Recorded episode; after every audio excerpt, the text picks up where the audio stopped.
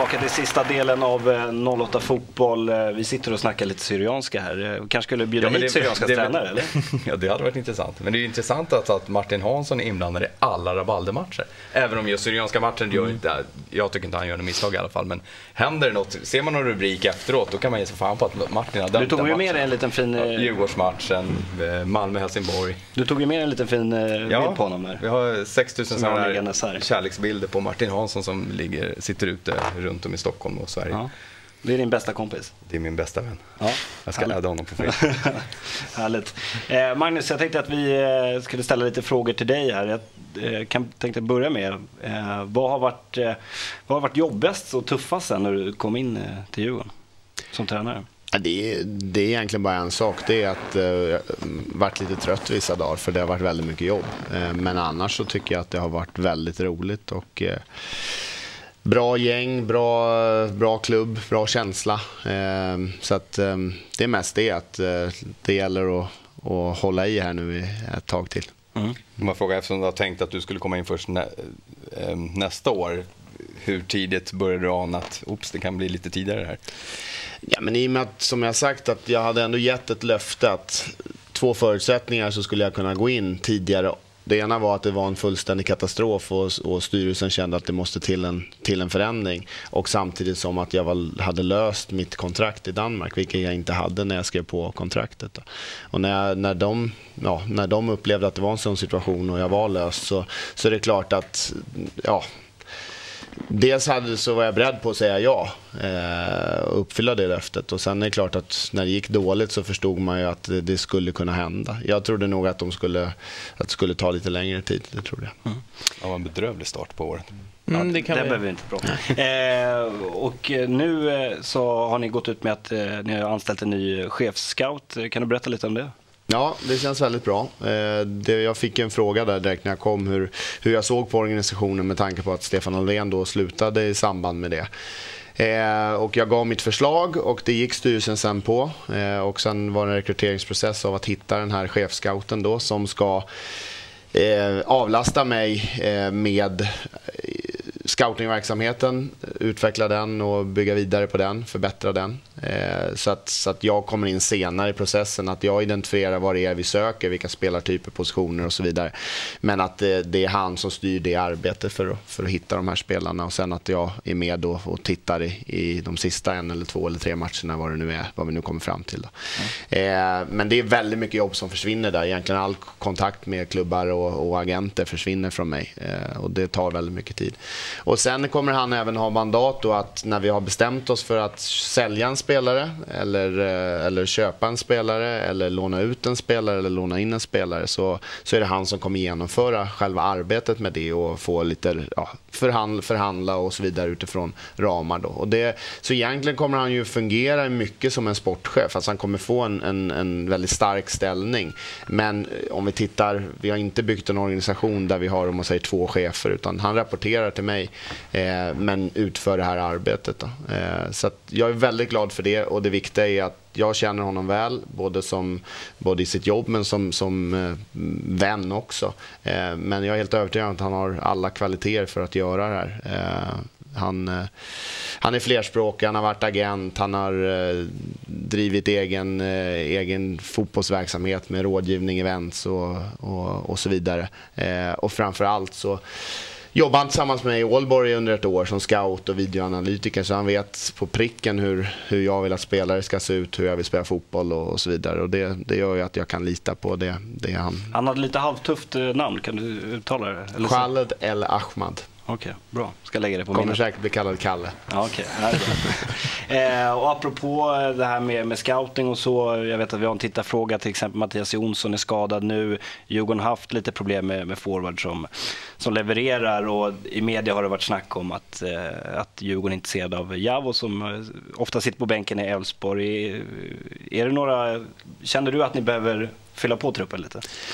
Ja, alltså det är klart att vi, vi tittar ju sådär. Samtidigt så har jag valt och kommer fortsätta välja en väldigt vad ska jag säga, defensiv och tråkig, tråkiga svar på det. Oavsett mm. att vi sitter här lite informellt sådär. Mm. Så, så det blir bara fel. Det finns ingenting för mig och jag tror heller inte för andra klubbar att berätta vem man följer och vem man är intresserad av. Även fast det är skittråkigt för, för all media och alla runt omkring. Men det försämrar bara våra utgångslägen i, i förhandlingar. Och dessutom så tycker jag också, eh, i och med att jag har en erfarenhet som spelare, så, så finns det ingenting positivt om man tillhör Djurgårdens spelartrupp idag och man har sin chef som är ute och pratar om vilka spelare han vill ha till klubben och vilka positioner. För att det påverkar ju liksom det, de befintliga spelarna och det tycker jag man ska ha en, ha en respekt för. Sen att vi gör ett arbete att vi vill hela tiden förbättra Djurgården. Jag menar, eh, de spelare som är här har kontrakt över ett, två, tre år och i korta tid i klubben och de ska göra sitt för klubben. Klubben är ju liksom det viktigaste. Och, och det är klart att den dagen vi anser att någon är bättre på den positionen, då är det klart att har vi möjligheten ekonomiskt så ska vi förbättra vår, vår verksamhet genom en bättre spelare. Men det är ingenting vi behöver sitta och prata om att nu ska vi ha Amadou Javo eller vi ska ha någon annan in för att du ska spela istället för Christer Josef, alltså till exempel. Det, det blir liksom inget positivt. Men den dagen vi har tagit beslutet, då är det en ny, ny konkurrenssituation. Mm. Jag vet, det är många supportrar som redan nu känner så här, eh, hoppas att, att, att Magnus stannar kvar i Djurgården, att han inte försvinner om ett eller två år. Eh, ser du framför dig att det kanske blir någon slags eh, Alex Ferguson-typ som stannar länge i klubben och liksom bygger klubbens identitet och sådär? Det ser jag. Det är min önskan. Men jag tror att alltså det ska ju till väldigt bra arbete från mig och övriga organisationer för att det ska bli en möjlighet. Så är det ju. Det, det, vet jag om. att Oavsett att jag sitter nu i en ställning som kanske då är lite starkare än, än, än om man nu ska säga bara är tränare Eh, att nu, nu har jag även ett mandat att jobba med rekryteringar så är det ändå så att går det riktigt dåligt så finns det bara en att peka på mm. och då är det jag. Eh, så att det handlar ju om resultat i det här, men absolut. Jag, jag, jag lämnade ju Sverige, inte så långt, men jag kom till Danmark och hade en ambition liksom att, att fortsätta utåt. Och Sen märkte jag det att dels gick inte det som jag hade hoppats. Eh, dels så kände jag att jag är mer intresserad av ett sånt här typ av arbete där jag får vara med och påverka helheten än att vara tränare och ta kortsiktiga uppdrag. För ska man vara tränare så måste du ta kortsiktiga uppdrag. Det, det, det är väldigt sällan det är något annat. Och då kan man visst kanske göra en resa i Sverige eller Europa eller vad, hur, hur långt man kan komma och möjligtvis tjäna pengar. Så Men det här intresserar mig mycket mer och framförallt då när det är en klubb som, som jag spelat i i sju år och, och det, det, är Stockholm som jag kommer ifrån. Så att mm, idag så tänker jag inget annat än att jag vill vara här så länge som möjligt och försöka utveckla den här klubben. Men, eh, och det hoppas jag att kan jag, kan jag liksom göra resultat tillsammans med de andra under några år så kanske den möjligheten finns. Mm. Får jag ställa en sån fråga som alltid ställs till spelare? Ja. Om du fick välja helt fritt, drömlag eller liga att träna i? Ja, ja, alltså drömliga är väl England. Det tycker jag. Det tycker jag är det häftigaste och liksom nummer ett. Sådär. Eh, men jag har ju liksom inte, jag har aldrig haft någon favoritlag. Eh, Ingen sån spelare du känner någonstans att tänkte få stå och skrika order åt honom? Och... Nej. Nej, jag har inte varit så där nördig om man ska säga så. Utan, eh, nej, nej, jag har inte tänkt så. Utan det här, det här är en, alltså, att, att när, man, när jag slutade spela själv så är det klart att att komma tillbaka i en då managerroll som var ändå det jag såg framför mig när jag slutade.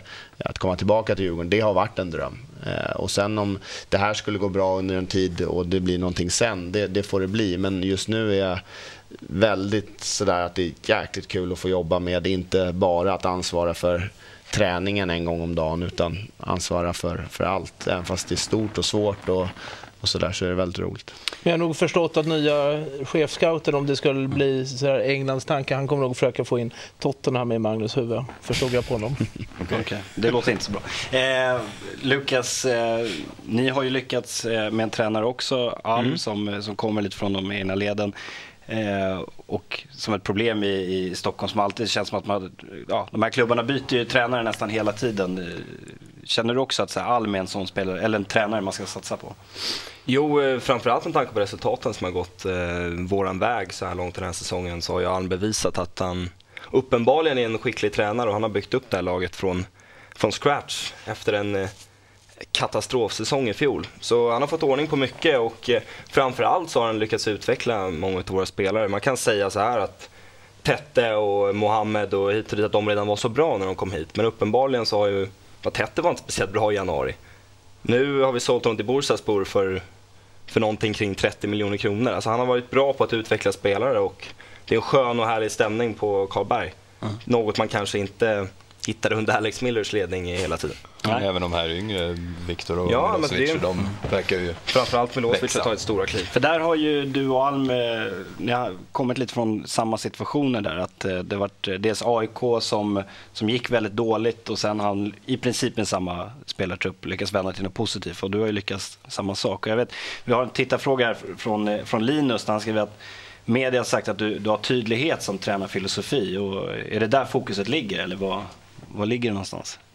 Ja, jag vet inte hur man ska svara på det. Alltså jag, jag tror att alla vill vara, alltså ska man vara ledare så, så vill alla vara tydliga. Och, eh, det är man väl inte alltid, men jag har försökt vara det. Eh, eh, att, att göra, göra saker och ting både på och utanför plan ganska enkelt. Eh, att ha några få saker som i vårt spel och utanför spel som, som jag tycker är viktiga och försöka repetera dem dagligen. Då. Och sen, det lämnar ju ändå utrymme till att, till att det, det kan både vara skoj och det behöver inte vara så seriöst alltid. Och det, eh, det på plan finns frihet till att, till att göra saker. Men några saker är väldigt viktiga för mig. Och det, det är väl den balansen. Liksom, så, att, så att vi har en tydlig idé som, som jag repeterar samtidigt som, som spelarna känner en glädje och en, liksom en passion för, för att ha, vara kreativ. Det, och det där är jättesvårt liksom att balansera det där, men det är väl det jag försöker. Mm. Eh, Johan undrar så här, han säger att du har inte varit lika benägen att släppa fram U21-spelare som våra tidigare tränare. Eh, finns det någon tanke med det undrar han? Nej, det finns ingen tanke utan jag har ju tittat på vilka som är våra bästa spelare i, i, i vår träningsmiljö. Eh, och då är, i vår träning, dagliga träningsmiljö är det A-truppspelare som vi väl är ja, 19 tror jag vi är. Va? Jag är osäker mm. faktiskt. Men mm. cirka där och så har vi eh, 7, 8, 9 u Vi har haft lite utlåningar så också. Så att vi har ju varit knappt 30 man i träning. Och där har jag valt de 18 som är bäst i match oavsett om du är över 30 eller om du är under 20. Det har inte spelat någon roll. Eh, och det kan man ju säga då att där kanske jag har tänkt lite annorlunda än vad, vad det kanske fanns en, jag ska inte säga kvotering, men det kanske fanns lite typ av kvoteringstänk innan. Att det är viktigare att ha en nummer 17-18 som ännu inte kommer in på plan som, som, som ska få en erfarenhet. Men jag tycker liksom med det läget vi var när jag kom och det läget vi är nu så, så måste jag liksom helt välja det som kan vinna matchen till varje pris. Och då spelar det inte så stor roll om, om, om det är mer utvecklande för en 17-åring att sitta på bänken än en 26-åring. Utan det är sändningssignal tycker jag att om du, om du kämpar och du är liksom bäst i B-laget eller på träningar och så vidare så, så tar du plats oavsett vem du är. Så det är väl det, den mentaliteten jag försökt skapa. Och det, har, det är några spelare då i som var närmare innan, men det berodde också på att vi hade ett antal, man måste titta på, innan jag kom så fanns det väldigt mycket skador i truppen. Och vi har haft, varit förskonade och tror jag varit duktiga på att inte få så mycket skador. Eh, och, och, det har gjort att det blir tuffare för de yngre spelarna också. Ja, jag tror att det är skador som har hängt med hela säsongen så tror jag att det är mycket skadorna som har ställt till det, för, eller ställt till det men som har gjort det svårare för u spelarna Jag tror att det är där förklaringen ligger. Inte... Sen klart man, man kanske tidigare valde mellan två jämbördiga spelare så tog man hellre den yngre. Mm. Mm. Jag tror det var ingenting så att man bara, nu ska vi bara släppa fram på någon annans bekostnad. Nej. Jag tror du uttrycker det bättre än mig, en kvotering. Precis så Kul att jag för en gång skull ja. här. Ja, det är stort. Ja. En stor komplimang. Eh, en annan Johan eh, ställer en ganska intressant fråga. Skulle du kunna tänka dig arbeta i någon av de andra storklubbarna i Stockholm? Nej, det tror jag hade varit dumt. Mm. Mm. Bra. Det finns ju andra spelare som skulle ha svarat annorlunda där kanske. Eh, tiden går fort här nu när vi har, så roligt tillsammans. Jag tänkte att vi skulle kolla lite på, på kommande matcher. Så kommer här. Djurgården eh, möter Örebro, ett Örebro som eh, ni lyckades vända underläge på bortaplan och, och slå ett Örebro som kanske, ja, de har väl inte riktigt eh, svarat mot sina egna förväntningar. Hur ser du på den matchen?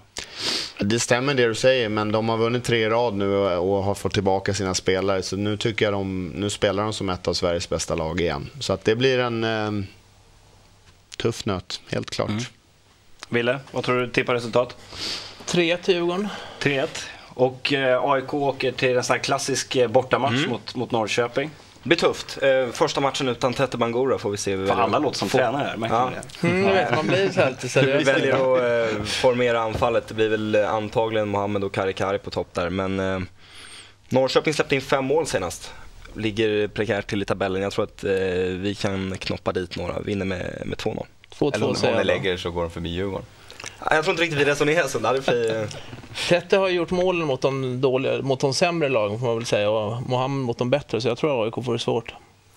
Ja, om man går på den Tätt gjorde sig statistiken. mål mot Malmö. men- Ja precis, man ser på stora, det var faktiskt en ganska intressant artikel där de hade gjort, visat mål. Vilka Ja, de hade gjort gjorde mål fyra på. mål mot de sämre lagen. Det, det är ändå helt okej. Ja, eh, 2-0 till AIK säger vi i alla fall. 2-0 till AIK. Brage, eh, ja. Förra året Jag vet inte vad jag ska säga om den här Det är den största Nej, ångestmatchen Förra på året länge. torskade vi med 1-0 hemma och 2-0 borta mot Brage. I år vann vi faktiskt på hemmaplan, men... eh, Oj, oj, Jag måste säga att det har varit lite dåligt med tv-sändningar på, på Hammarbys Ja, matcher senaste tiden. sport har varit eh, värdelösa, så man är tvungen att... De köper det där jävla pluskontot. Ja, det kommer och det hackar ju jämt. Fast alltså. jag måste säga det att jag provade det för första gången nu senast. Uh, funkade alldeles utmärkt. Det var inte, ingen, ingen hack på hela tiden. Jag tyckte det var en jättebra sändning. För att vara från webb-tv. Ja, sån här C-sport gick Okej, man in på. Det var, funkade hur bra som helst. Ja, det brukar alltid Va, vara hur går det i matchen? struligt. 0-0 tänkte vi. Det har, det har vi spelat de sista fem matcherna borta känns det som. Så det ligger väl i luften. 0-0? Ja. Ja, okej. Då tar vi det då. Får vi vi se. Nej, det gör vi inte. Eh, Magnus, eh, stort tack att du tog dig tid och kom hit. Och eh, tack till er alla andra. Så, Kul att du är tillbaka från semestern. Ja, kul, kul att se er igen. Alltid lika roligt. Eh, tack för att ni tittade och så ses vi om en vecka igen.